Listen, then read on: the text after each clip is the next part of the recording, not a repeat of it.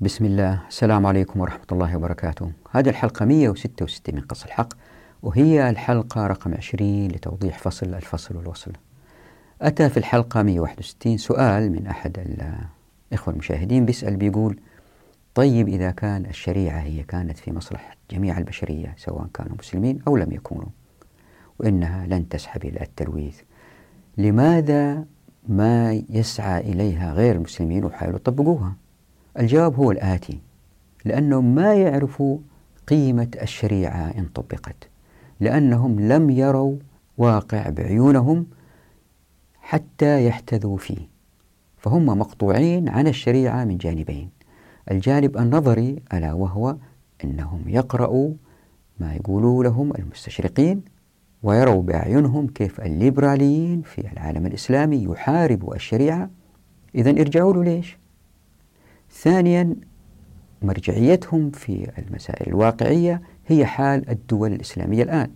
شايفين أفغانستان مدمرة ومتخلفة فما يعزو هذا إلى غزوهم وغزو الروس قبلهم. وشايفين مصر متخلفة رغم أنه كان فيها نوعا ما استقرار سياسي تحت حكم العسكر. فمعظمهم لا يرى أنه هذا بسبب حكم العسكر يعني التخلف أقصد. حتى إذا ذهبوا الدول اللي فيها فانتظة مثل دبي مثلا فهم يدركوا جيدا أنها أشياء مستوردة من الخارج وأنه هذه الأمة لا تنتج.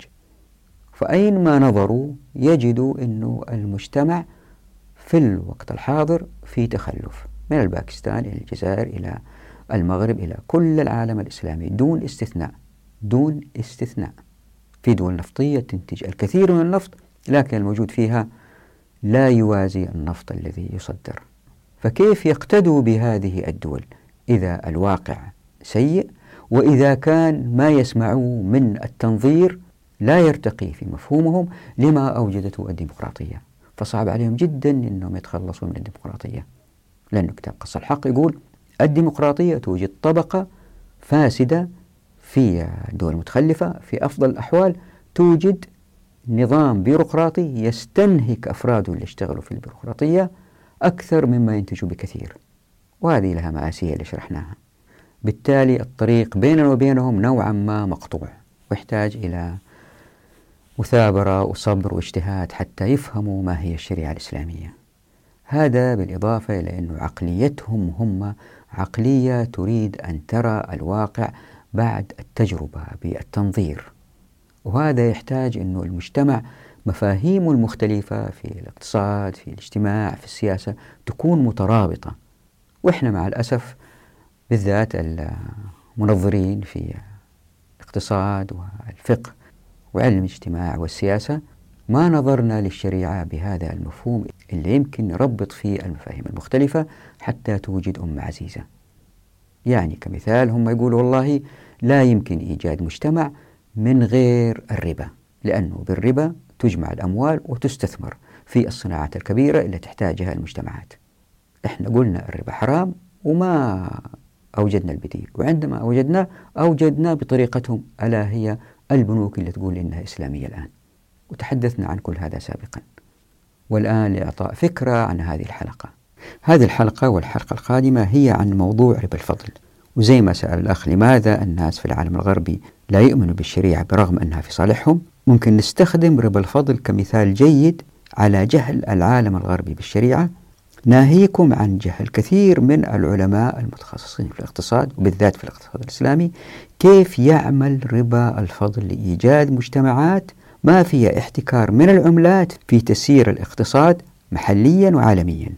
لذلك هذه الحلقة والقادمة بحاجة إلى نوع من الجلد وبالذات في التربيط بين موضوع هذه الحلقة والقادمة بالمفاهيم اللي طرحناها في حلقات ماضية مثل التوثيق المتبادل مثل المصيبتين وآفتين مثل الاستبداد والتبديد. فهذه الحلقة والقادمة عن ميلاد العملة وهي مثال جيد على جهلنا بالشريعة. وأنا أعتقد أن حديث ربا الفضل الذي يؤدي إلى ميلاد العملة لم يأخذ حقه من الفهم والسبب هو أنه لم تكن أيام فقهاء السلف حكومات تصدر عملات ورقية فيها الوعد بالسداد لكن كانوا يصدروا عملات نقدية من الذهب والفضة فعندما تصدر الحكومات الذهب والفضة كعملات هي تذهب للناس فينتقلت كقيمة إلى الناس ولن تستطيع الحكومات إصدار عملات أخرى إلا إذا حصلت على الذهب والفضة. لذلك الآن في العصر الحالي إلا في بنوك مركزية تابعة للدولة مؤسسة نقد إلا يكون ولا في بنوك خاصة تشتغل تحت مظلة الحكومات وكل هذه تشتغل بالعملات اللي تصدرها الحكومات وهي ليست ذهب وفضة الآن إحنا نقدر نفهم أهمية حديث ربا الفضل. فكان التوجه بين فقهاء السلف أنه ربا الفضل حرام حتى لا يؤدي إلى ربا النسيئة. وفي علماء اقتصاد قالوا أنه وكأن الرسول صلى الله عليه وسلم بيوجه الناس أنهم يتقايضوا بأعيان أخرى ليست من نفس العين. يعني الذهب بالفضة الذهب بالألماس الذهب بالقمح. فالواحد إذا عنده ذهب خام يروح يقايض بالفضة وبالفضة هذه يمكن يشتري الأشياء اللي يحتاجها. في هاتين الحلقتين أبين أنه في أهمية قصوى لحديث ربا الفضل وأنه هذه الأهمية القصوى نقدر نفهم تأثيرها في تحرير الناس من الاستعباد في أيامنا هذه. وطبعا زي ما أنتم عارفين وما في داعي أذكر أنه الاستعباد يؤدي إلى الطبقية وإلى الجهل والفقر وكل هذا بسبب الاحتكار. وإلا يأتي ربا الفضل يجذ من جذوره. خليني أضرب هذا المثال. إذا جبنا إسفنجة ووضعناها في الماء وخرجناها من الماء تكون أتشبعت جدا بالماء. إذا شلنا منها الماء شوية هي جاهزة لامتصاص أي ماء جديد. لكن إذا هي شبعانة ما تقدر تأخذ أي ماء جديد. كذلك أسواق العملات. ربا الفضل وحركيات الشريعة الأخرى تجعل أسواق الذهب دائما مشبعة بالتجار اللي اشتغلوا بالذهب والفضة لدرجة أنه يستحيل على أي واحد منهم أنه يحتكر الذهب والفضة. وبالتالي يرجع الذهب والفضة إلى وظيفته الأساسية اللي خلقها الله سبحانه وتعالى عشانها ألا وهي لإيجاد الاقتصاد المزدهر بين الناس من غير ما يكون في تسلط في المجتمع من قبل حكومة أو مؤسسة نقد أو أي جهة أخرى تؤدي إلى ظهور الطبقية. فدائما الأسواق مشبعة بالتجار اللي هم يشتغلوا في الذهب والفضة بحيث أنه ما يزيد عددهم يصير في فائض ولا ينقص ويصير في نقص. زي الإسفنجة الشبعانة بالماء. خلينا أول شيء أبين بعض النقاط المهمة اللي تساعد في فهم الحلقتين بعدين أعطي فكرة عن هذه الحلقة. الفكرة الأولى هي أنه للناس في العادة زي ما شفنا في حلقات ماضية قدرة محدودة لأنه عندهم ذكاء معين عندهم عضلات بقدر معين عندهم إمكانيات مالية معينة. هذه القدرة المحدودة لن تمكنهم من أن شخص يشتغل في جمع الذهب وسك الذهب. أما يشتغل في الجمع أو يشتغل في السك أو أنه يدخل شراكة مع آخرين ناس تبحث عن الذهب ناس تسك الذهب. أو أنه هو يبحث ويجد قطعة معينة صغيرة وبعدين يسكها فهو شغال على مستوى صغير جدا. وتذكروا أن أبواب التمكين مفتوحة في الموارد والموافقة والمعرفة. وتذكروا في حلقات ماضية قلنا لأي إنسان يقدر يشتغل في التجارة من غير ما يأخذ موافقات. بالتالي عندما يرتفع سعر الذهب الناس مباشرة ينجذبوا إلى العمل في صياغة الذهب. وعندما ينجذبوا لصياغة الذهب يذهبوا إلى الأسواق. طيب من أين لهم المادة الخام حتى يصنعوا منها الذهب؟ هنا في تجار موجودين سابقين الناس الذين يجدوا الذهب يأتوا إليهم ويمكن يبادلوهم ذهب بفضة يعني ذهب تبر ذهب خام يعني بفضة أو ألماس أو معادن أخرى غير الذهب والفضة لأن المجتمعات قد تتغير والله أعلم ما أدري في المستقبل من الاعتماد على الذهب على الفضة إلى معادن أخرى يمكن أثمن. البلاتين مثلا له قيمة عالية أيضا لكن المعروف أن الذهب والفضة من زمان بعيد وهي المصدر الأهم للتعامل المالي. حتى في أيامنا هذه تستخدم كغطاء للنقود الورقية. الآن هؤلاء الذين يأتوا للأسواق ويريدوا العمل كتجار عندما يأتي إليهم الناس الآخرين الذين بحثوا عن الذهب ووجدوه ولأنهم يبغوا ربح أعلى يحاول الحصول على تاجر يرضى بأنهم يعطيهم ذهبهم الخام بذهب مسكوك. طيب مين التاجر الذي يرضى بهذه المعاملة؟ لأنه بيخسر تكلفة السك. اللي حاول أوضحه في الحلقتين هذه أنه بعض التجار سيقبلوا بهذه المبادلة رغما عنهم ليش؟ لأنه يمكن يأتي تاجر جديد للسوق وحتى يكسب مكان في السوق أو يكسب سمعة في السوق حتى إذا كان عنده قطعة ذهبية صغيرة مسكوكة يبادل فيها بخام ويعطي واجد الذهب الخام القطعة المسكوكة ويأخذ منه الخام ويشتغل في هذه وسكها ويبادلها أيضا مع واحد آخر أو نفس الشخص وبكده هو كسب خبرة في سك النقود ولأنه الذهب ذهب وقيمته فيه حتى إذا لم يتقن السك. لا زال الناس يتعاملوا بالذهب ويقبلوه لأنه أي تاجر يقدر يذوب هذا الذهب ويعيد صياغته مرة أخرى. مسألة أخرى يمكن شخص يكون وجد كمية جيدة من الذهب أو مجموعة اشتغلوا كشركة وبينتجوا كميات كبيرة. عندما يأتوا بها الأسواق يقولوا لا إحنا ما نبيع ذهب بفضة إحنا نريد ذهب مسكوك بذهبنا الخام.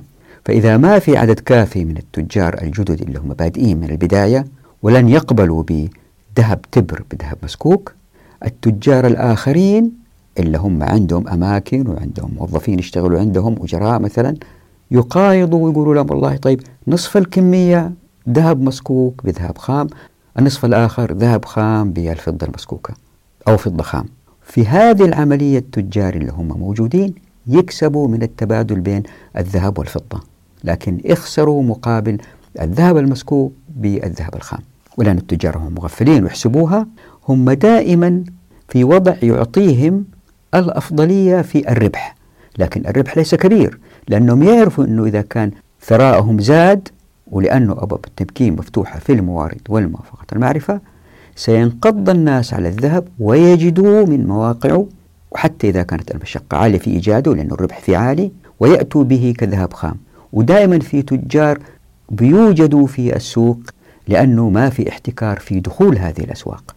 فدائما في عدد كافي من التجار يعني السوق مشبع بالتجار اللي اشتغلوا في صناعة الذهب وأيضا الأمة مشبع بالأيدي العامة التي تبحث عن مواقع الذهب واستخراجه والمقايضة فيه. وهذه المقايضة لأنهم يعرفوا أنه في حديث ربا الفضل يحاولوا أنها تكون من خلال المقايضة ذهب خام بذهب مسكوك. فحركية ربا الفضل وكأنها مطرقة فوق رؤوس تجار الذهب. إذا ارتفع سعر الذهب سينجذب الناس إلى العمل في الذهب وسيظهر تجار آخرين للمقايضة. ذهب خام بذهب مسكوك. حتى يجدوا لأنفسهم موضع قدم في عالم الصياغة. يعني مو شرط الصائغ الجديد اللي بادئ من الصفر يكون عنده مكان في السوق. لا يمكن يأخذ الخام يشتغل فيه في البيت. فاللي صار إنه كسب خبرة. عندما يتمكن هذا الذي يشتغل في الخام اللي هو تبر وحول إلى ذهب مسكوك عندما يتمكن من صياغة القطعة الأولى بعدين الثانية الثالثة الرابعة يكون كسب خبرة. عندها عندما يأتي نفس الشخص يقول له خذ خام وأعطيني مسكوك يقول له لا ذهب بفضة لأنه عنده سمعة في السوق عنده مكانة في السوق. بعدها يبدأ يكسب. يعني التاجر المبتدئ بسبب ربا الفضل كسب خبرة وكسب مكان في السوق لكن لم يكسب ماليا. وعند دخوله للسوق هو وغيره بينكسر الاحتكار في السوق.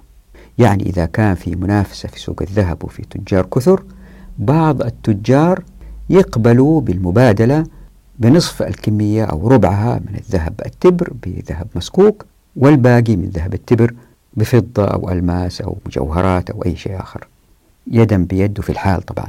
أتذكر أنه ما في دولة عندها نقد مسكوك في الأسواق وعندها الأسواق دائما تحتاج إلى الذهب والفضة الخامين لاستخدامها في المعاملات الاقتصادية. فنتحدث في الحلقة القادمة مثلا عن التجار وأعدادهم في الأسواق وكيف أنه إذا كان في تاجر واحد في قرية أو مدينة يصير هو المحتكر. إذا في اثنين يقل الاحتكار إلا إذا اتفقوا مع بعض وإذا اتفقوا مع بعض يظهر واحد ثالث. لدرجة الاقتصاديين وضعوا جداول تبين عدد التجار ومقدرتهم على الاحتكار. والواحد استنتج من هذه الجداول أنه كل ما زاد عدد التجار كل ما قل الاحتكار. لدرجة أنه يقل جدا الاحتكار إن زادوا جدا التجار. ومع تطبيق الشريعة الأبواب مفتوحة في الموارد والموافقة المعرفة لن يظهر الاحتكار أبدا. هذه سنوضحها إن شاء الله في الحلقة القادمة.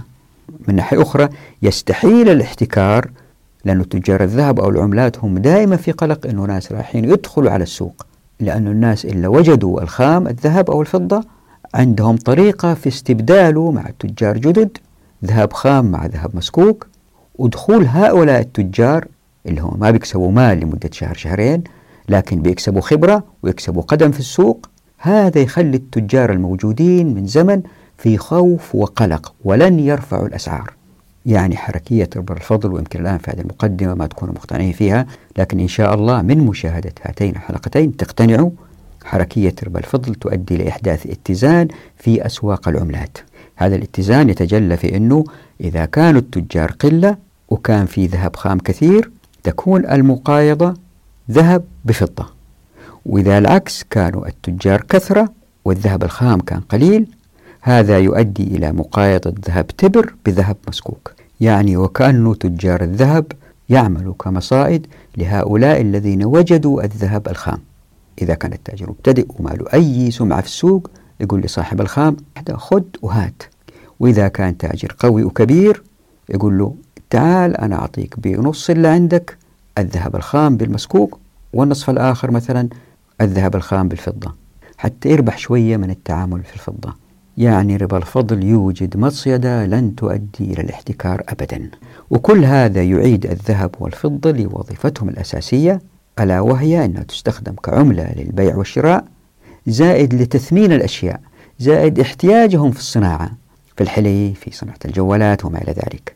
بينما في الوضع الحالي سعر الذهب والفضة مبالغ فيه ولا يعكس ندرته واحتياجاته للمجتمع فهو بالإضافة إلى أنه للتبادل للسلع وللتثمين هو أيضا يستخدم في المضاربات المالية. ولأنه سعره يطلع وينزل فهو ليس معيار حقيقي لتثمين الأشياء. وهذا يؤدي إلى إحداث مشاكل في الاقتصاد. هذه من النقاط المهمة التي تشرحها هاتين الحلقتين. لا ننسى أن هدف هاتين الحلقتين ومن خلال ربا الفضل أدت إلى ظهور خطط إنتاجية برغم أنها متصلة في مستوى تبادل المنتجات لكن هي حقوقيا مفصولة تماما. لأن الذهب والفضة ما بتسيطر عليهم الحكومات. يعني هذا الفصل اسمه الفصل والوصل. سترون في هاتين الحلقتين كيف أنه ربا الفضل يفصل بين الخطط الإنتاجية بينما العملات التي تصدر الحكومات هي تصل المصانع والشركات والبنوك وكل حاجة منتجة في المجتمع. تصلهم في بعض بحيث أنه إذا جهة خسرت مثلا هذا يؤثر على الآخرين. بينما مع تطبيق الشريعة وبربا الفضل إذا في أثر فهو محلي وضيق وليس على مستوى دولة أو أمة أو حتى على مستوى الكرة الأرضية زي ما بيصير في الانهيارات المالية. وحتى نقتنع بهذا اللي شرحته لأنه صعب جدا الاقتناع لابد من مشاهدة الحلقة لأنه في عدة حيثيات يجب أن تتضح. هذه الحيثيات إذا فهمناها بعدين الواحد يقتنع بأنه ربا الفضل هو حركية مهمة لإيجاد اقتصاد مزدهر دون ما استعباد ودون بالطبع تلويث الكرة الأرضية. فأبدأ بإعطاء فكرة سريعة عن الخطة الإنتاجية والكتل الاقتصادية حتى أوضح تهيئة الشريعة للظروف لظهور العملة. طبعا ما ننسى هنا أنه الواحد عندما يتحدث عن الخطة الإنتاجية وتحدث عن انتقال الأفراد من خطة إلى خطة وأنه الخطط هذه ليست لها حدود واضحة مثل الكتل الاقتصادية ما ننسى أنه هذه الخطط الإنتاجية لأنه أبواب التمكين مفتوحة في الموارد والموافقة والمعرفة هي ليست ثابتة في العدد هي تزيد وتنقص باستمرار.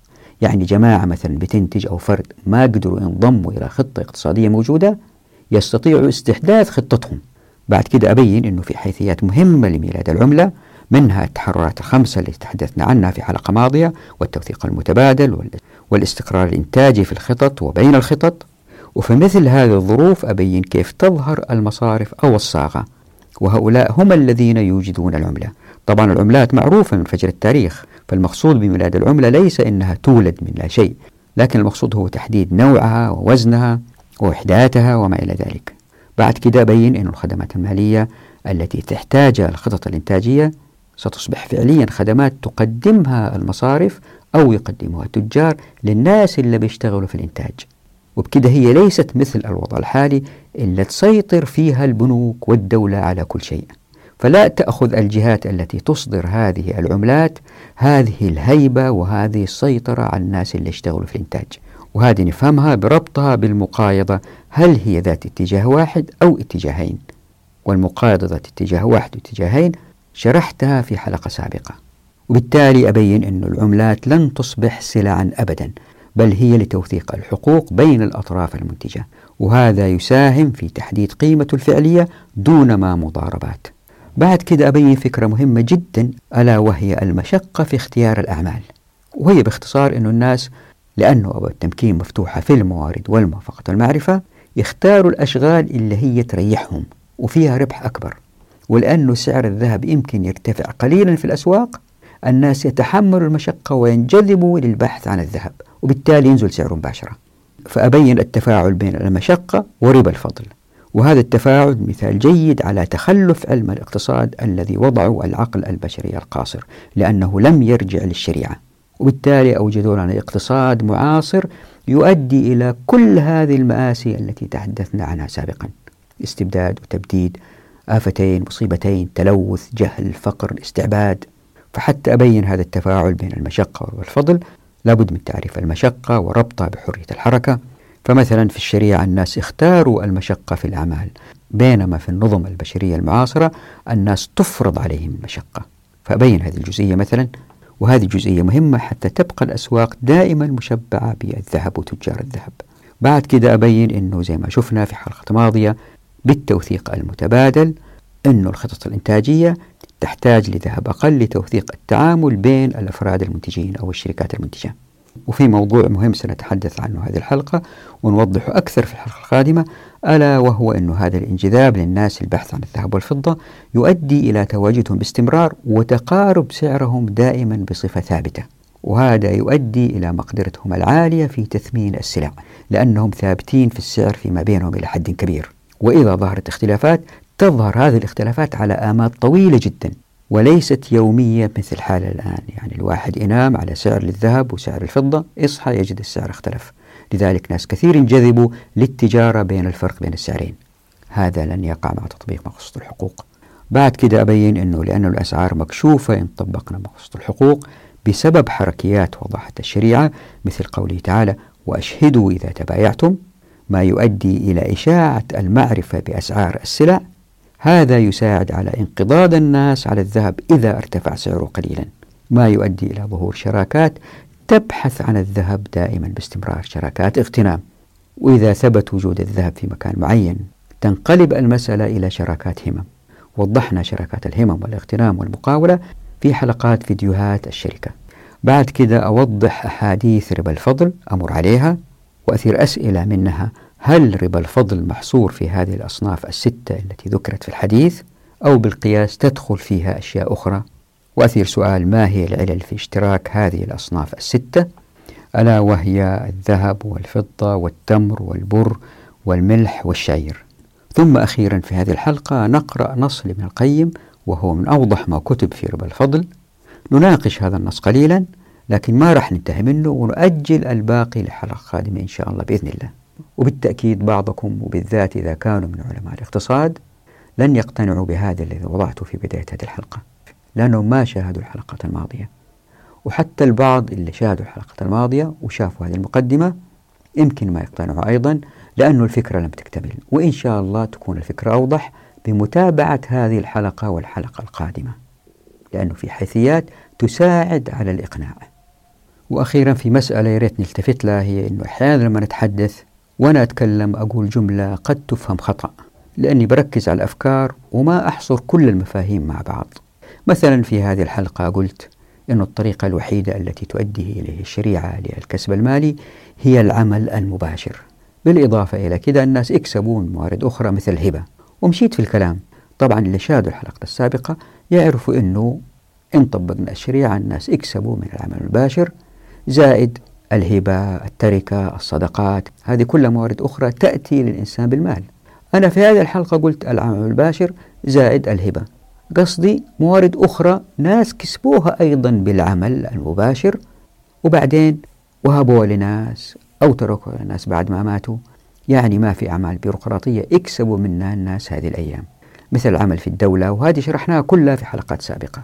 فعندما ما أكمل الجملة كاملة أو الفكرة كاملة ألحق حالي وأبينها كتابة. والآن إلى التوضيح. قبل ما ندخل في مسألة ميلاد العملة خليني أعطي فكرة سريعة عن الفرق بين الخطط الإنتاجية والكتل الاقتصادية. يمكن استنتجت من السابق أن المقصود بالخطط الإنتاجية هي مجموعة النشاطات التجارية المكثفة بين مجموعة من الملاك للمؤسسات والشركات في خطة أو خطط يمكن تمييزها عن غيرها من الخطط الإنتاجية. والسبب في ذلك أن منتجاتها متشابهة أو لأنها تتكاتف معا لإنتاج منتجات محددة.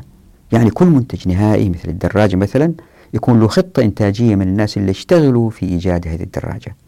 بعدين في خطة إنتاجية ثانية اللي من خلالها يتم بيع هذه الدراجات. فهي إذا تختلف عن الكتل الاقتصادية إلا لها حيز مكاني وبداخله منتجين في شتى المجالات. حيز مكاني مثلا دولة خلينا نقول المغرب وفي داخلها الدولة هذه المغرب. طبعا هي دولة مصطنعة الآن انطبقنا الشريعة لا توجد فهي الآن موجودة وبداخلها منتجين من شتى المجالات. يعني الذي يرسم حدود الخطة الإنتاجية هم من بها من منتجين. طبعا من الواضح أن هؤلاء المنتجين لم يتمكنوا من رسم حدود لخطة إنتاجية تزيد عن مقدرتهم الإنتاجية وهذا مهم. ليه؟ لأنه حركيات إحياء الأرض وحيازة المعادن ومقدرتهم في الضرب في الأرض. كل هذه الحركيات التي أوجدتها الشريعة تعطيهم بقدر ما يستطيعون إحياءه وحيازته والسفر إليه. وبزيادة مبادراتهم ومقدراتهم في الإنتاج تتسع خطتهم. فالخطة الإنتاجية ليست بالتالي مكانا مربعا أو مستطيلا. بل يعني أحيانا مكانا بأي شكل لمجموعة من الجماعات المنتجة والتي تتمتع بحريات واسعة كما مر بنا. تذكروا التحررات الخمسة التي تحدثنا عنها سابقا والآن نحن في التحرر المالي. من الخمسة إحنا الآن في التحرر المالي. بعد كده تحدثنا في الخطة الإنتاجية وتحدثنا أيضا في التوثيق المتبادل. كل هذه الآن لابد نجمعها مع بعض ونربطها. والخطة الإنتاجية بالتالي يمكن تكون مجموعة من الخطط المتباعدة واللي تربطها نشاطات إنتاجية محددة. مثلا جماعة بيسووا برنامج للحاسب الآلي. كل واحد في مكان مختلف ومو شرط يسكنوا في نفس المكان. أو يمكن شركة في المغرب تصنع بطاريات لشركة في السودان تصنع سيارات. وفرش هذه السيارات قد يأتي من مصر مثلا. وهكذا. وبهذا التفكير الخطة الإنتاجية قد تصبح عضوا في عدة خطط بناء على نشاطات الإنتاجية. قارنوا هذا بالكتلة الاقتصادية. فالكتلة الاقتصادية حدودها مرسومة من جهات خارج مبادرات المنتجين اللي هي الحكومة. هي اللي ترسم الحدود. فهذه الحدود إما أنها وجدت بناء على اتفاقات دولية بين القوميات أو الحكومات أو أنها فرضت بالقوة على المجتمع الدولي مثل الصهاينة في فلسطين. يعني الخطط الإنتاجية دائما مرنة وتتغير حدودها بتغير مبادرات المنتجين واستطاعاتهم. بينما الكتل الاقتصادية فهي فضاءات بحدود حادة يصعب اختراقها. فهدول اللي كانوا شغالين مثلا في خطة إنتاجية ولم يعد يحتاج لها المجتمع لأنه في بديل يروحوا يشتغلوا في خطة أخرى فباستطاعتهم ينتقلوا إلى خطة أخرى. لكن الكتل هي فضاءات بحدود وضعتها الحكومات. أو النظام الدولي فهي بالتالي يصعب اختراقها. ولا تخترق إلا بموافقة من بداخلها من المسؤولين وليس بموافقة المنتجين. بينما الخطط الإنتاجية تخترق ببساطة إن ظن المنتجون أن الاختراق في صالحهم. طبعا في هذه الحالة هي ليست اختراق بل هي انضمام فرد أو جماعة منتجة تنضم إلى خطة إنتاجية موجودة.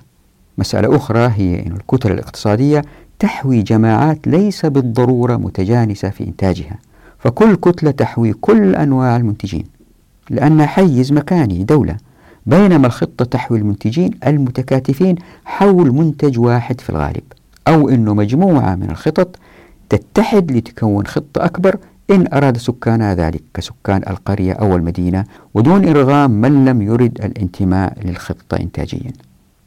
وطبعا هذا لن يقع إلا إذا كان في هذا الاتحاد مصلحة للمنتجين زي ما راح نشوف إن شاء الله في الأماكن. بإذن الله. طبعا يمكن بعضكم إذا فكر يستنتج أنه الكتل الاقتصادية ولأنها بحدود خارجية حادة واضحة فمحيطها الخارجي لن يخترق إلا من أماكن محددة وتحت سيطرة السلطات مثل الموانئ والمطارات. يعني في جمارك في جوازات. بينما الخطط الإنتاجية ولأنها مرنة فهي تخترق من أي مكان بيحددوه المنتجين. يعني كأنه حدود الخارجية كلها موانئ أو كلها مطارات. بس ما في مطارات ولا في موانئ. وإذا تعاملت خطة بعملة ما مثلا اتفقوا أنهم يتبادلوا السلع بعشر جرام ذهب مثلا وتذكروا أنه في التوثيق المتبادل تحدثنا على أنه ليس بالضرورة أنهم يتبادلوا هذه العملات. لا يوثقوا فيما بينهم عندها هذه الخطة التي تتعامل بهذا الجزء من الذهب وحولت هذا الجزء من الذهب أو الفضة إلى عملة لن تستطيع فرض هذه العملة على الآخرين. ما تقدر لأن الكل أحرار. لكن يمكن تجذبهم إلى هذه العملة. وهدول اللي هم خارج الخطة لن ينجذبوا إلى هذه العملة إلا إن كان لهم في الجذب مصلحة. يعني الثقة تبنى وتنمو ولا تفرض على المنتجين كما هي حال الكتل الاقتصادية. عندها تولد العملة. كيف؟ تذكروا في حلقات ماضية تحدثنا عن التحررات الخمسة إن طبقنا الشريعة أنها ستظهر. الآن لأن المنتجين بيتمتعوا بالتحررات الخمسة ولأن الخطط المكانية والخطط الإنتاجية مستقرة إلى حد كبير عندها التعاملات المالية بين المنتجين مبنية على التوثيق المتبادل في الغالب. والتوثيق المتبادل شرحناه في حلقة ماضية.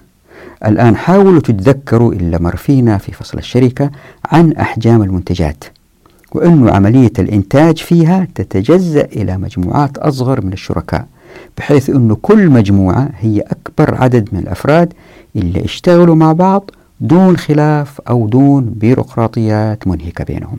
فلأن التمكين مفتوحة في الموارد والموافقة والمعرفة والكل مستقر والكل ينتج باستمتاع ستظهر المصارف لخدمة هؤلاء المنتجين في هذه الخطط بالتوثيق المتبادل.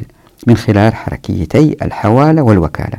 وهذه الحركيتين إن شاء الله يأتي توضيحهم في فصل البركة. لكن هم معروفين يعني. لكن أشرحها إن شاء الله في إطار قص الحق. فيمكن تظهر مؤسسة مصرفية واحدة لخدمة مجموعة من الخطط المتجاورة التي تصنع منتجات تكمل بعضها بعضا. لإنتاج الأثاث مثلا دون خدمة غيرهم. يعني هذه المؤسسة تخدم هذول اللي يوجدوا الأثاث كخطة. ويمكن تظهر مؤسسة مصرفية لخدمة هؤلاء وخدمة خطط أخرى في مناطق أخرى. خلينا نقول أنه في هذه القرية جماعة تنتج الأثاث مسوية خطة. في قرية بعيدة أو مدينة بعيدة خطة ثانية أيضا تنتج الأثاث. بينهم تبادل.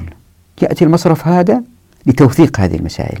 وبكذا بالتدريج تظهر منطقة فيها خطة أو عدة خطط وكأنها منطقة تجارية يخدمها مصرف واحد أو عدة مصارف. وهذه وضحناها في التحرر المالي في حلقة ماضية.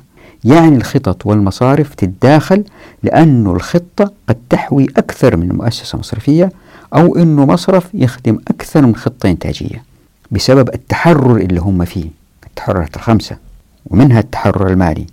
وهذا التداخل بين الخطط والمصارف يزداد زخم في تعاملاته ليظهر وكأنه يحدد منطقة تظهر وكأنها منطقة تتعامل بنوع معين من العناصر الثمينة بجانب التوثيق المتبادل. هنا ولأن الجميع مستقر ولأن الجميع راضي ولأن الجميع يثق بمعظم ممن هو حوله ستولد العملة. أي ستوجد العملة؟ خلينا نوضح كيف. هنا وضعت في الشاشة تفصيلة صغيرة إذا حب أحد منكم يقرأها. زي ما أنتم عارفين كلكم أن البشرية عرفت العملات من فجر التاريخ. المقصود إذن بميلاد العملة هو ليس ظهورها كوحدة تعامل ولكن ظهور قيم محددة لها وللإيصالات. الناس كلهم عارفين العملات فاللي بحاول يوصله أنه في مثل هذه الظروف المهيئة بالاستقرار والثقة بين المنتجين والمشترين ستوجد الثقة العملة من خلال منع ربا الفضل. وهذه سيأتي توضيحها وهذه بالنسبة لي إعجاز. يعني العملة قد لا تكون واضحة عند نشوء التعاملات لكن بالتدريج راح تتحدد هويتها ويتحدد وزنها إن كانت من المعادن ويتحدد مقدارها إن كانت من الإيصالات بين الخطط لحفظ الحقوق. هذا إن كانت المقايضة ذات اتجاه واحد. لكن إن كانت المقايضة ذات اتجاهين وهذه شرحناها في حلقة ماضية اتجاه واحد واتجاهين فإن العملة أيضا ستولد من خلال التعاملات المستمرة بين الخطط المكانية والإنتاجية. دون الحاجة لظهور المصارف. ولكن التجار هم الذين يصدرون هذه العملات وهم الذين سيضمنون وزنها ونقائها. يعني صيرفي مثلا يطلع وهو يتولى هذه المسألة. هذا التاجر مثلا أو الصائغ يسك عملة وزنها 100 جرام ذهب في مغلف بلاستيكي. ويضمن الناس اللي تعاملوا فيها القيمة إن عادت إليه داخل المغلف لأنه هو أنتجها فهو بيبيعها. واحد تاني يسك عملة وزنها مئة واحد ثالث وزنها مئتين وهكذا. وبكده يتخصصوا التجار في سك العملات. ولأن الخطط الإنتاجية متعددة راح تظهر عدة وسائل لنقل المستحقات لأنه هي آتية من الناس المنتجين. وفي هذا التعدد خير للمجتمع. يعني تعدد هذه العملات. إلا ما وضعتها لا حكومة ولا سلطة مركزية. هي آتية مبادرة كخدمة من الأفراد اللي عندهم حرفة الصياغة مثلا وبالتالي يستخدموها في حرفة الصك مثلا.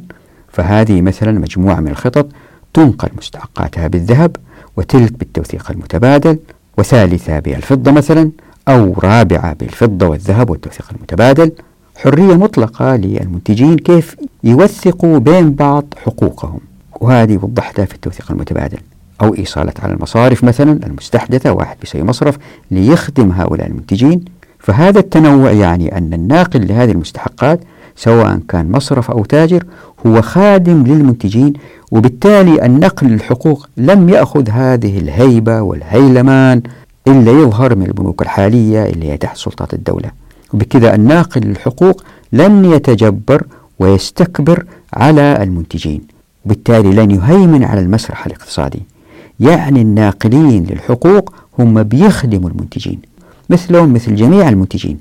وبكذا يصبح العمل المالي خدمة كأي خدمة إنتاجية وليست هي عصب الحياة الإنتاجية مثل وضعنا الحالي. لاحظوا أن هذه المصارف التي ستظهر إن طبقنا الشريعة هي ليست كالبنوك الإسلامية المعاصرة. فهذه البنوك الإسلامية تجمع الأموال المدخرة لإقراضها أو للمشاركة بها في شراكات مضاربة أو شراكات عنان أو غيرها من الشراكات. بل هي إن طبقنا مقصود الحقوق مصارف لنقل المستحقات فقط لأن الشريعة زي ما مر بنا ورح نشوف إن شاء الله بإذن الله وضعت من الحركيات ما ينقل الأموال من المستثمرين للعاملين مباشرة. وبهذا فإن المصرف وكأنه تاجر يقدم خدمة إلا أن المصرف أكثر من فرد بل مجموعة أفراد وبتنظيم يؤهلهم لمتابعة العديد من العملاء في الخطط المكانية والإنتاجية. طبعا التاجر يمكن يتوسع وتزداد الثقة به وشوية شوية هذا التاجر اللي بيسوق مثلا هذه العملات يأسس لنفسه مصرف. يعني المصرف والتاجر الصيرفي خادمان للمنتجين. يعني خدمة الصيرفة قد تصبح عملا مربحا لأنها بتعمل لتوطيد الثقة بين المنتجين المختلفين. أتذكروا ما يقدر يلعبوا لأنه بيتعاملوا بالذهب والفضة والمعادن الثمينة. في سؤال أتاني من كذا مشاهد عن البيتكوين رح نجاوب عليه إن شاء الله بإذن الله. يعني العملات في هذه الحالة ليست سلعة أبدا لأنها إن أصبحت سلعة لاقترب النظام الإسلامي من النظام الرأسمالي هو لتوثيق الحقوق بالإضافة إلى الناس يمكن يستخدموها لشراء الأشياء. هذا موضوع نتحدث عنه لاحقا. وهذا اللي حرصت عليه الشريعة جاهدة وحاربته أنه النقد ما يصير سلعة. طيب ليش ما تصير سلعة؟ تأتي الإجابة إن شاء الله بإذن الله من خلال التركيز على الآتي. حتى لا يظهر تسلط الدولة وحتى لا ينزلق المجتمع إلى وضع تظهر فيه عملة موحدة تسيطر على الاقتصاد أو حتى لا تظهر عملة تسيطر عليها الدولة أو حتى لا تظهر عملة تصبح سلعة وضعت الشريعة حركية ربا الفضل المؤدية لميلاد العملة ولمنع الاحتكار. وهذا بالنسبة لي أنا إعجاز. كيف؟ اللي حدد في العادة زي ما شفنا في الفصول السابقة فصل الخيرات وفصل ابن السبيل. اللي يحدد هل معدن ما محتكر أو لا هو اختيار المشقة في الوصول إلى هذا المعدن. في حالة الذهب والفضة هي اختيار المشقة زائد ربا الفضل. خلينا نوضح أول شيء اختيار المشقة لأنه هذه أو هذا التفاعل بين اختيار المشقة وربا الفضل يمنع احتكار الذهب والفضة لجماعة من الناس. ومنع الاحتكار يؤدي مع حركيات أخرى مثل الموارد ومرافقة المعرفة يؤدي إلى أنه هذين المعدنين ما يكونوا محتكرين لأحد. وبالتالي هذا يغير تركيبة المجتمعات من مجتمعات يمكن يظهر فيها استعباد وبالتالي ظلم وبالتالي جهل وفقر وتزيد الكماليات على نسبة الضروريات في الأسواق. فكل شيء تقريبا يتغير في المجتمع إذا كان فعلنا هاتين الاثنتين. ألا هما اختيار المشقة زائد ربا الفضل. خليني أشرح أول شيء اختيار المشقة. الوضع الطبيعي طبعا هو أن الناس إذا ما اشتغلوا لكسب الرزق فهم في فقر وعوز. يعني هناك دافع للناس للعمل المنتج ألا وهو الخوف من الجوع والفقر. طيب هل يمكن قياس تأثير هذا الدافع على الناس من حيث المشقة؟ إيش مقصود بالمشقة؟ يعني العمل اللي يمكن يكون مضني لواحد مثل حرث الأرض قد لا يكون مضني للآخرين آخرين يحبوه ومثل هذه الأمثلة تظهر لنا فكرة المشقة كأداة لفهم الإنتاج كيف؟ خلينا نتذكر أنه مع تطبيق الشريعة ما في مجال للكسب إلا إذا الواحد اشتغل وربح وباع أو أنتج وباع زي ما أنتم عارفين. إلا إذا كان أخذ هبة من أحد ثاني لكن مجال الكسب دائما هو من العمل والإنتاج. وليس مثل الأيام هذه إلا ما فيها إنتاج مباشر. تحدثنا في حلقة ماضية عن الإنتاج المباشر وغير المباشر. ففي هذه الأيام إلا ما طبقنا فيها الشريعة في أعمال بيروقراطية في مناصب إدارية ما إلى ذلك كلها تأتي للناس بالمال من غير إنتاج مباشر. إن طبقنا الشريعة كل الأعمال تكون بإنتاج مباشر. الآن إذا نظرنا للعالم الإسلامي طبقنا الشريعة اللي يحدد مقدار ما يكسبوه الناس بالإضافة إلى مواهبهم شطارتهم مثابراتهم مقدار المشقة اللي هم يبغوا يتحملوها حتى يكسبوا. فمثلا الواحد لما يكون تفكيره رياضيات أو كذا يمكن يحب أنه يشتغل في استحداث تطبيقات إلكترونية ولا يحتمل مشقة العمل في مزرعة مثلا.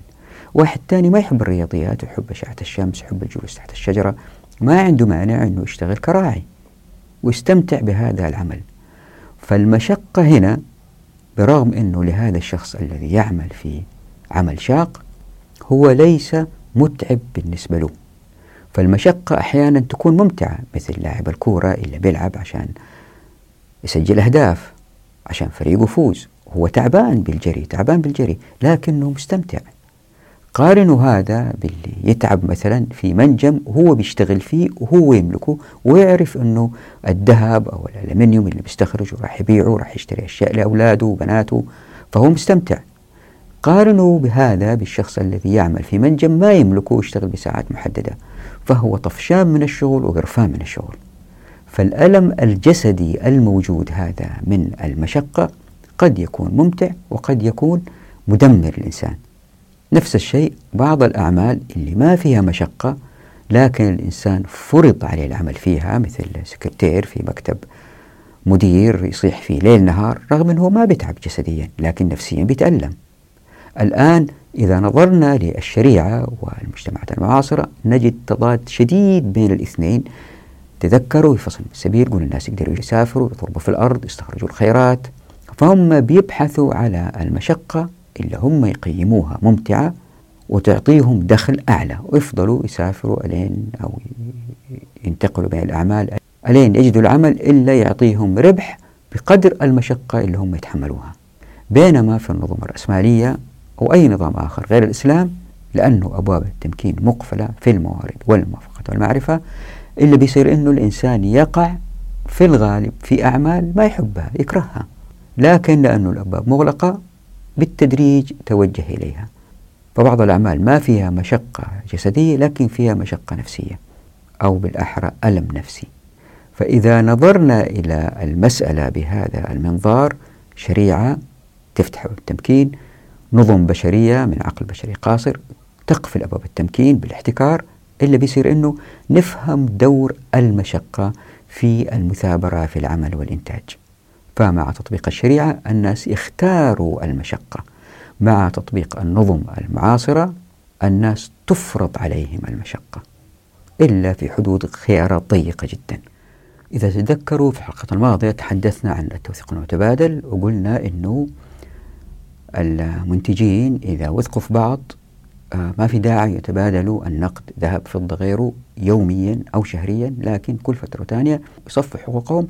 في الحالة هذه يحتاجوا إلى الذهب والفضة للشخص اللي تارك. شركة مثلا شراكة معاهم خرج أو شركة صغيرة فصلت من مجموعة شركات بتصفي حقوقها بيأخذوا حقوقهم ذهب وفضة. هذا يعني أنه لأنه الذهب والفضة يستخدموا للتقايض أنه سعرهم منطقيا أنه يزيد وينقص بناء على العرض والطلب. طيب واحد يقول بس هذا نفس الشيء في كل المعادن. ليش ميزت الذهب والفضة؟ بأنهم مختلفين عنهم. السبب هو الآتي.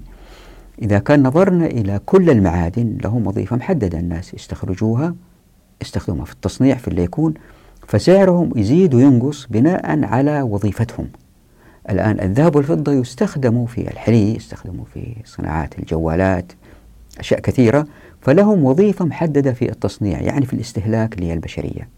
بالإضافة إلى كذا في العصر الحالي بسبب أن الدول تنتج النقود تطبعها لازم تغطي هذا بجزء من الذهب أصبح للذهب والفضة وظيفة إضافية ألا وهي أنها جالسة في المصارف المركزية في البنوك المركزية جالسة محجوزة بعشرات إن لم يكن مئة الأطنان ما أدى إلى أنها تصير مادة احتكارية من الدرجة الأولى فهي أدت إلى المضاربات.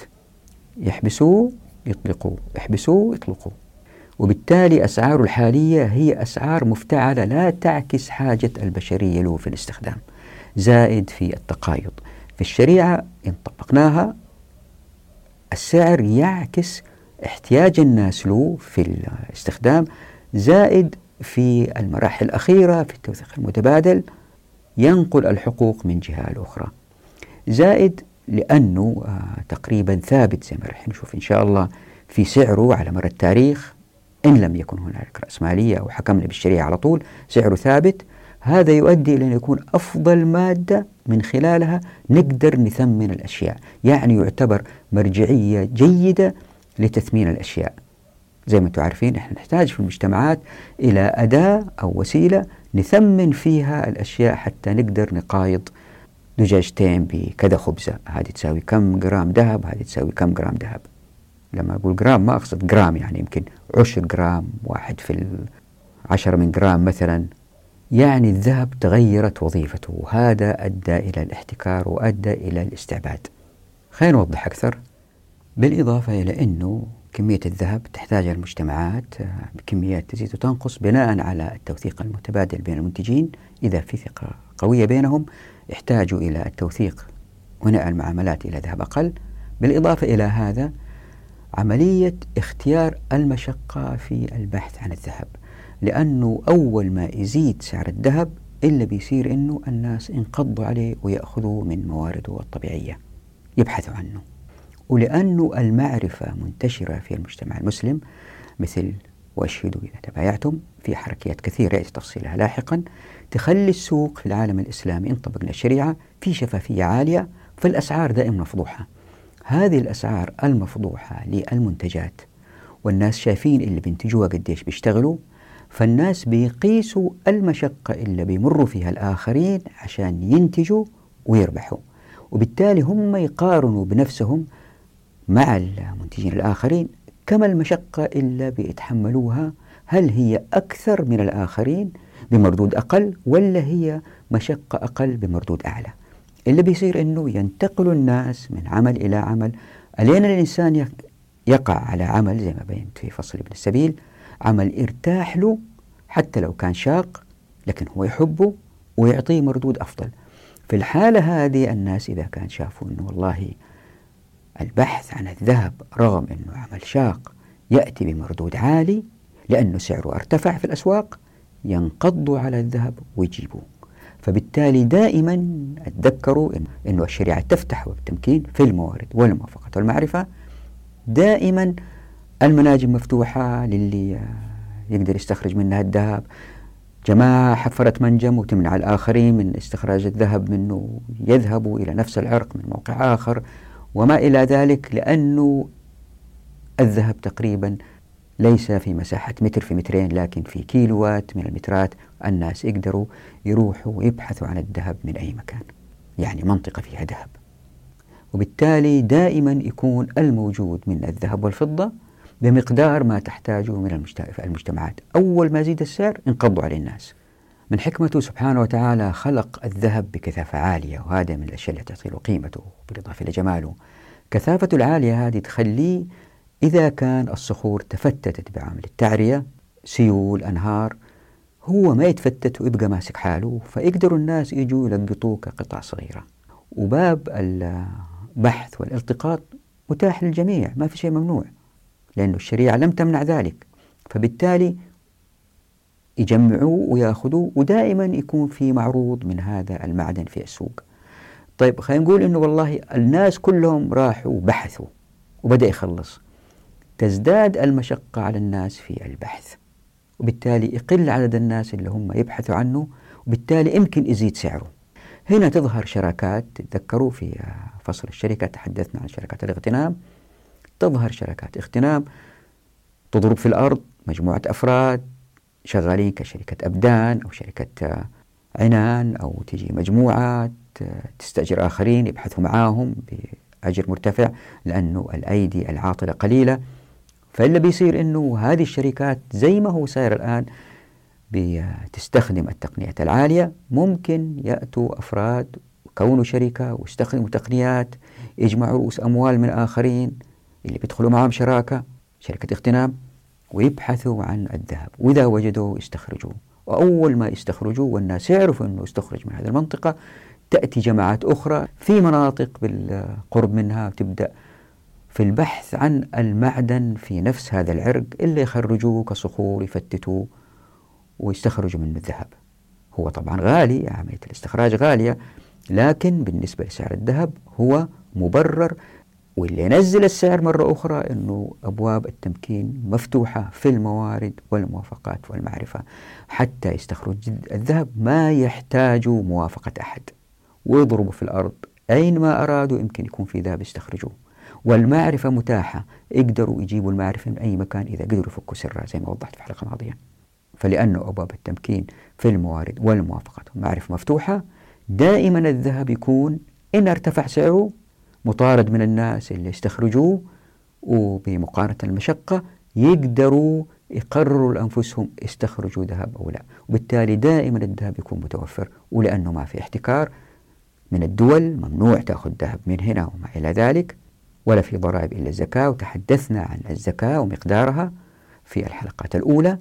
هل هو ركاز؟ هو لا. موضوع طويل. يا ريت ترجعوا له. كل هذه تدفع الناس للمزيد من البحث عن الذهب. وطبعا هذا مقارنة بالنظم الحالية اللي هي تمنع الناس أساسا من البحث عن الذهب في كثير من الدول والدول اللي تبيح للناس أخذ الذهب كشركات مثل الولايات المتحدة الأمريكية ضرائب عالية جدا على هذه الشركات وبالتالي دائما الذهب محتكر مع تطبيق أنظمة الحقوق من إنتاج العقل البشري القاصر.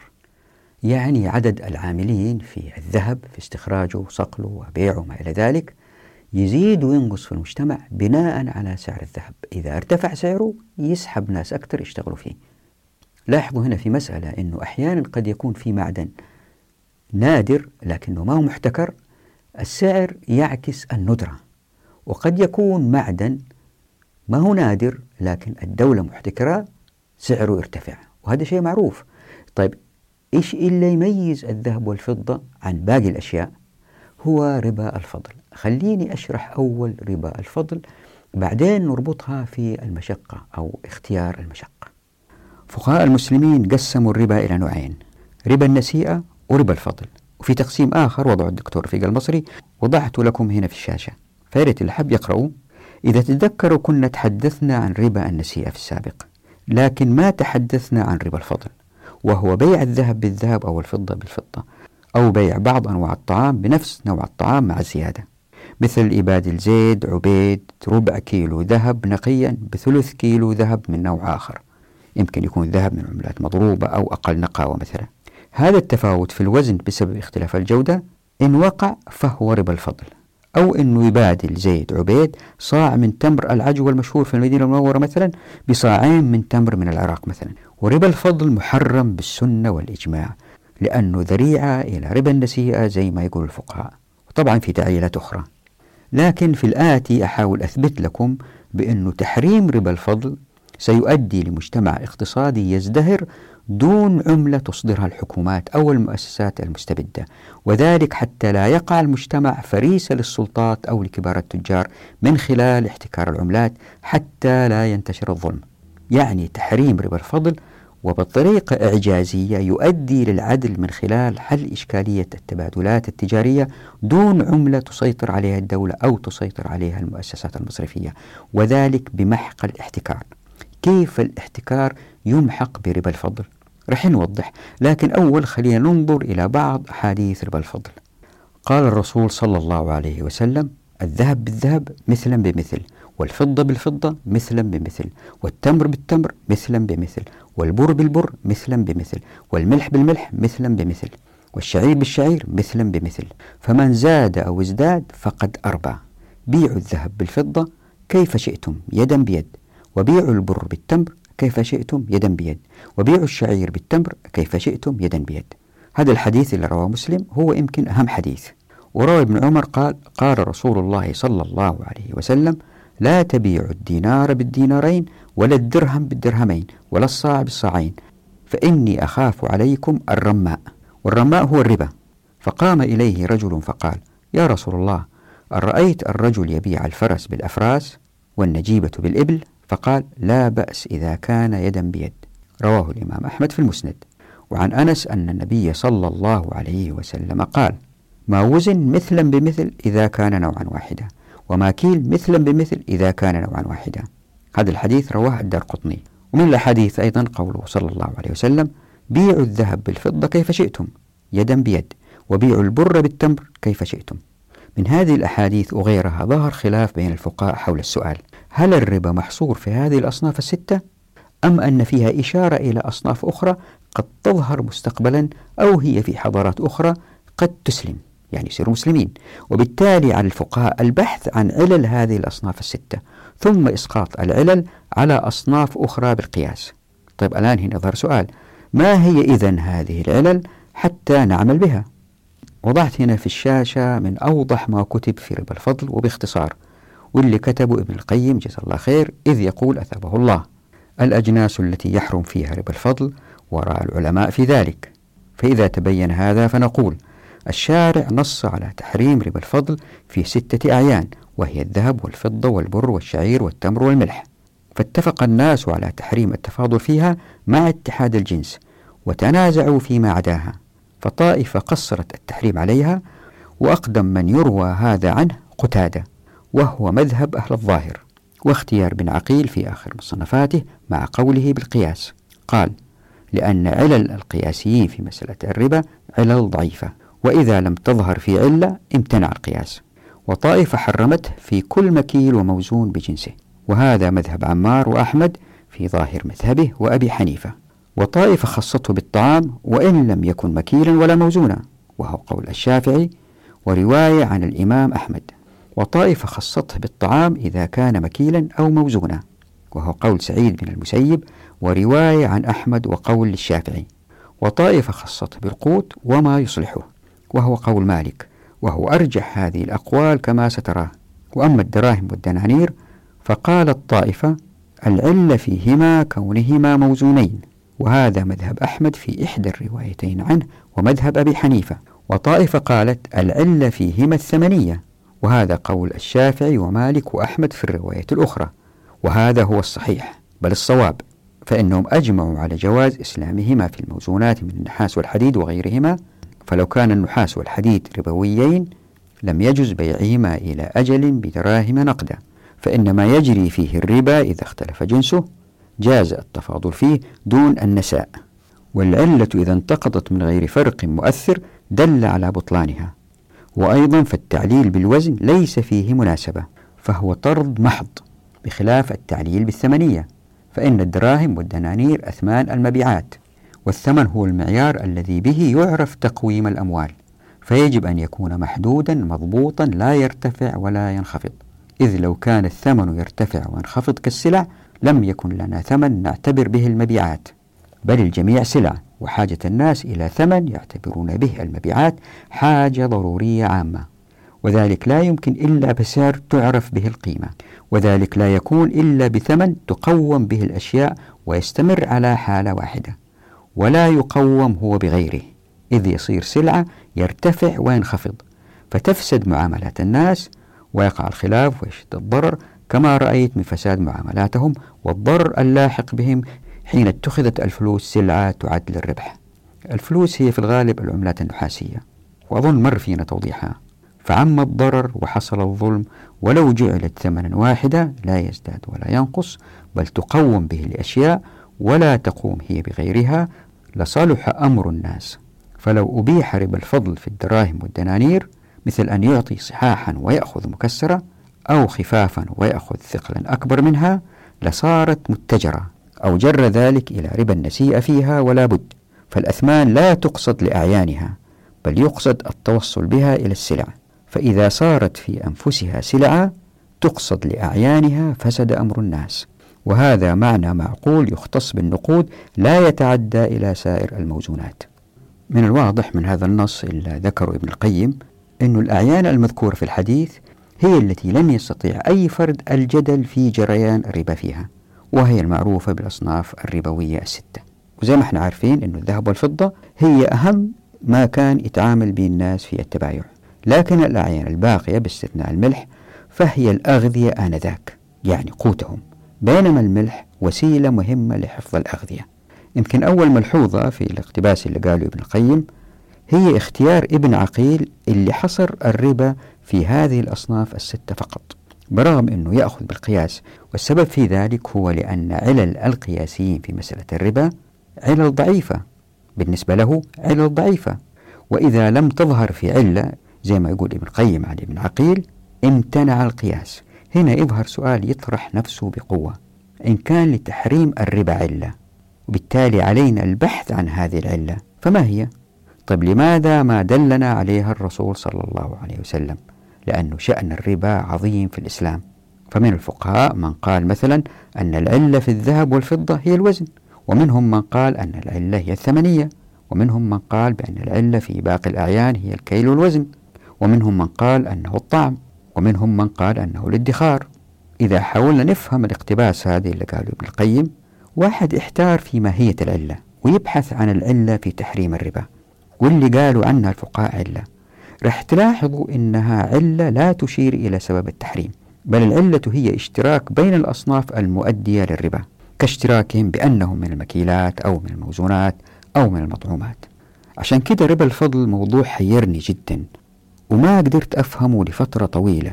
يعني السؤال اللي كان يدور في ذهني لماذا يقايض زيد من الناس كيلو جرام ذهب مسكوك بكيلو جرام ذهب تبر؟ علما أن الذهب المسكوك أكثر سعر طبعا. ولماذا يرضى زيد بهذه المقايضة؟ يعني وكأن الحديث يمنع المقايضة بطريقة غير مباشرة بين المالكين للذهب لأنه لا مالك سيقبل بهذه المقايضة لأنه سيخسر لا محالة. فالواحد هنا والعياذ بالله يسأل أليس هذا في ظاهره طريقا ملتويا للمنع؟ طبعا في حكمة عميقة إن شاء الله نشوفها في سؤال آخر ليش خص الرسول صلى الله عليه وسلم هذه الأصناف الستة؟ يعني ما كان باستطاعته صلى الله عليه وسلم القول كل ما يوزن مثلا أو كل ما يؤكل أو كل ما يدخر أو كل ما يكال زي ما استنتج الفقهاء جميع هذه الأسئلة التي أثرتها هي مهمة بالتأكيد لذلك هذه الحلقة إذا جاوبنا فيها على هذه الأسئلة ستطول جدا وتصل إلى ساعتين. فرأيت أني أقسم هذا الموضوع يعني ربا الفضل مع المشقة في اختيار العمل إلى حلقتين. وفي الأساس صورتها أنا كحلقة واحدة وجدت أنها وصلت إلى ساعتين فقررت قسمتها. لذلك تلاحظون أنها بقميص أبيض هي الحلقتين. في الحلقة القادمة إن شاء الله نجيب على ربا الفضل في الذهب والفضة بينما مسائل القوت هذه تحدثت عن بعضها في فصل الأموال. وسيأتي التوضيح إن شاء الله بإذن الله إذا كان في عمر. نقف هنا نراكم على خير في أمان الله ودعواتكم.